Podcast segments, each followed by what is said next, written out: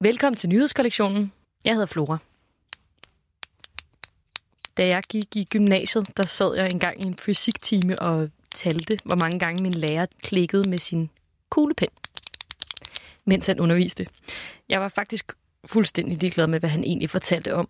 I det hele taget var jeg totalt i tvivl om, hvorfor jeg gik på gymnasiet, for meget af tiden, der synes jeg, det var mega kedeligt og ligegyldigt at være der.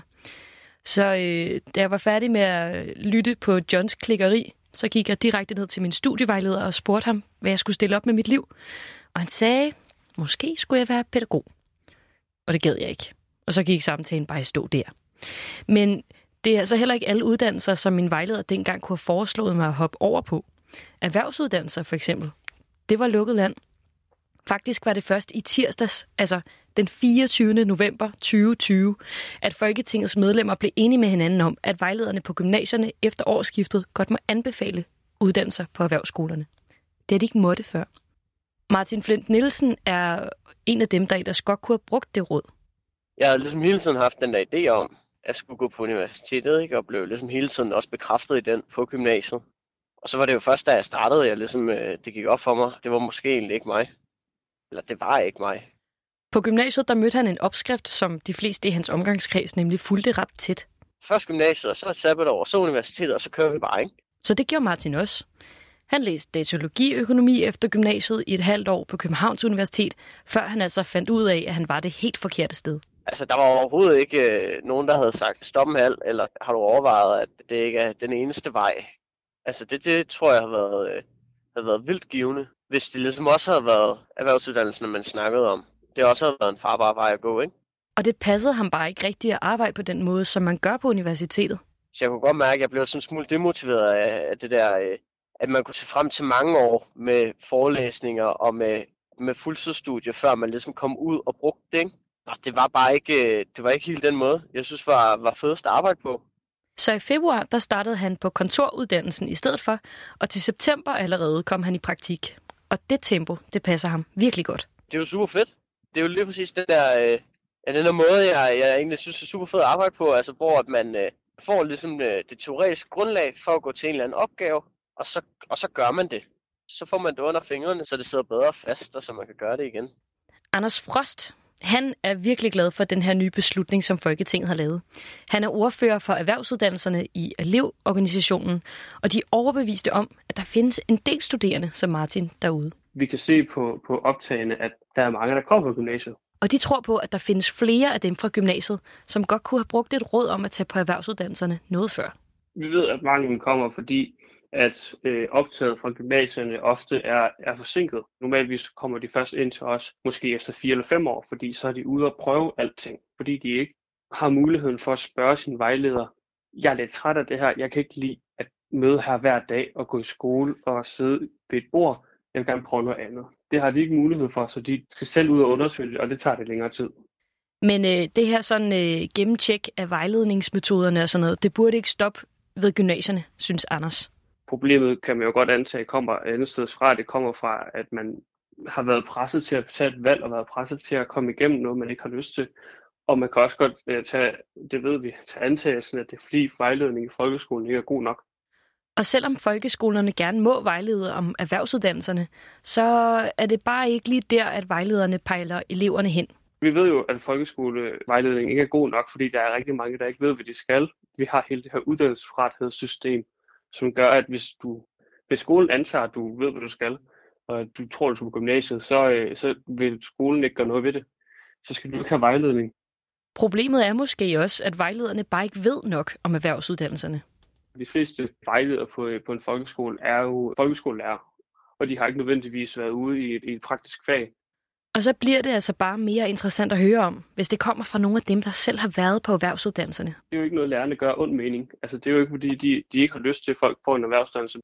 Altså, hvis du får en ung bygningsnedgør-elev ud, som er 19 og har været i gang i tre år, har bare en anden passion og en anden fortælling om sit fag, end hvis du skal have en eller anden folkeskolelærer, der fortæller om et fag, som de aldrig har prøvet, som måske er, er 35 eller en anden alder.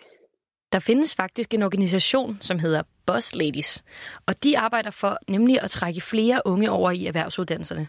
Nærmere bestemt inden for bygge-, anlægs- og installationsbranchen. Især piger, men egentlig alle.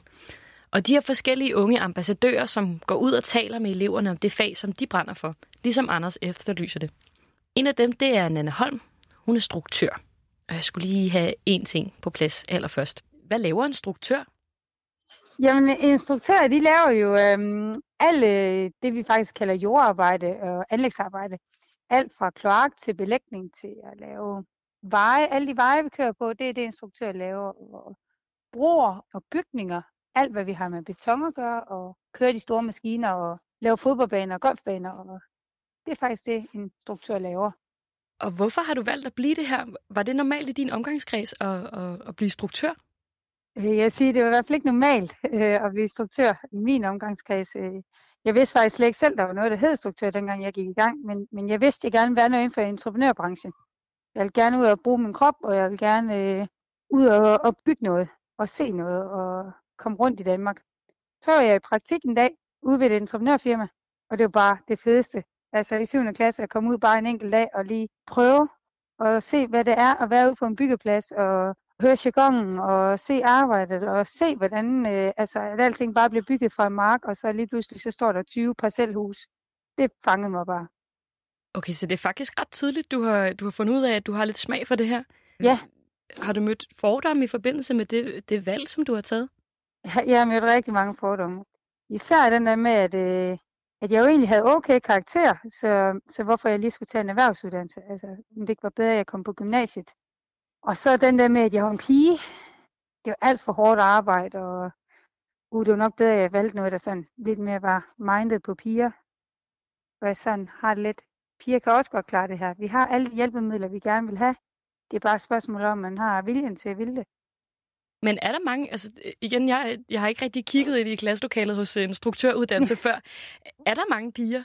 Nej, der er ikke så mange piger, men vi får flere og flere, og, og nu arbejder jeg i Horsens øh, som underviser, på Lønmark, og der er, altså, der er vi begyndt at få en del piger, og har også nogle mega seje, dygtige piger. Men jeg tror måske også, at det har noget at gøre med, at de kan se en, altså mig, der underviser i det, og, og selv er uddannet inden for det. At de sådan kan se en rollemodel i, at når hun kan, så kan jeg nok også.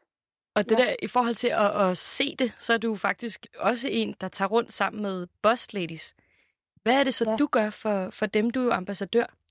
Altså sådan overordnet, så vil de jo rigtig gerne gøre noget for at få flere kvinder ind i håndværkerfagene.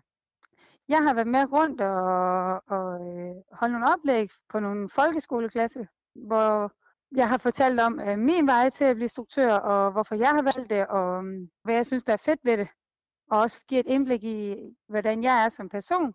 Mange de har sådan nogle fordomme om, at øh, en håndværker læser ikke, og en håndværker drikker øl øh, hver dag, og en håndværker skal være to meter høj og to meter bred, og det er jeg ikke. Jeg er halvanden meter høj, og, jeg kan ikke lide øl, og jeg elsker at læse. Så, så jeg falder helt uden for de der fordomme, man har omkring det. Så, så det er rundt og fortælle om, at håndværkere, ligesom alle andre mennesker, meget normale meget forskellige. Er der mange i jeres klasser, som også har en gymnasiebaggrund? Ikke lige sådan øh, pt. her, nej. Det er sjældent, vi har nogen, der har gymnasiet. Hvad tænker du egentlig om, at øh, studievejlederne på gymnasierne også må vejlede elever om, at de kan tage på erhvervsuddannelser nu? Det er mega fedt. Jeg har personligt haft en elev, som øh, har taget gymnasiet, og så bagefter taget strukturuddannelsen. Og aldrig i mit liv har jeg mødt en, der har været så engageret i teori som, som ham. Altså, jeg kan huske, vi gav ham en opgave, og hele klassen fik en opgave, hvor mm, de skulle beregne noget, størrelsen på nogle rør. Og den gik egentlig ud på, at de skulle konstatere, at rørene blev så store, at man skulle have en kloakmester indover. Så skulle de bare stoppe opgaven der. Men han blev så stædig, fordi det der med, jamen, du, du kan ikke stoppe den, altså jeg er nødt til at regne det ud, hvorfor og hvor stort det bliver. Sådan, altså, han endte med at tage opgaven med hjem til deres kloakmester i firmaet, og så sad de og regnede på den her, og kom så tilbage med det og sagde, vil du tjekke den, Anna? Det synes jeg var fedt, at, at vi faktisk også kan se, at selvom du tager gymnasiet, så, så kan du stadig tage en erhvervsuddannelse. Altså, så jeg synes jo, det er mega fedt, at de må sende dem videre. At det ikke kun er på universitetet, de må komme nu, men også på en erhvervsskole. Så nu bliver der altså gjort lidt af hvert for, at elever, drenge som piger, bliver gjort opmærksom på, at de kan trække hovedet ud af bøgerne i gymnasiet og komme ind på byggepladserne i stedet for. Måske er der så færre i fremtiden, der vader ud fra studievejledningskontoret, ligesom jeg gjorde, uden at ane, hvad de skal stille op med deres liv, når de har fået hue på. Det krydser jeg fingre for at ske. Tak fordi du lyttede med.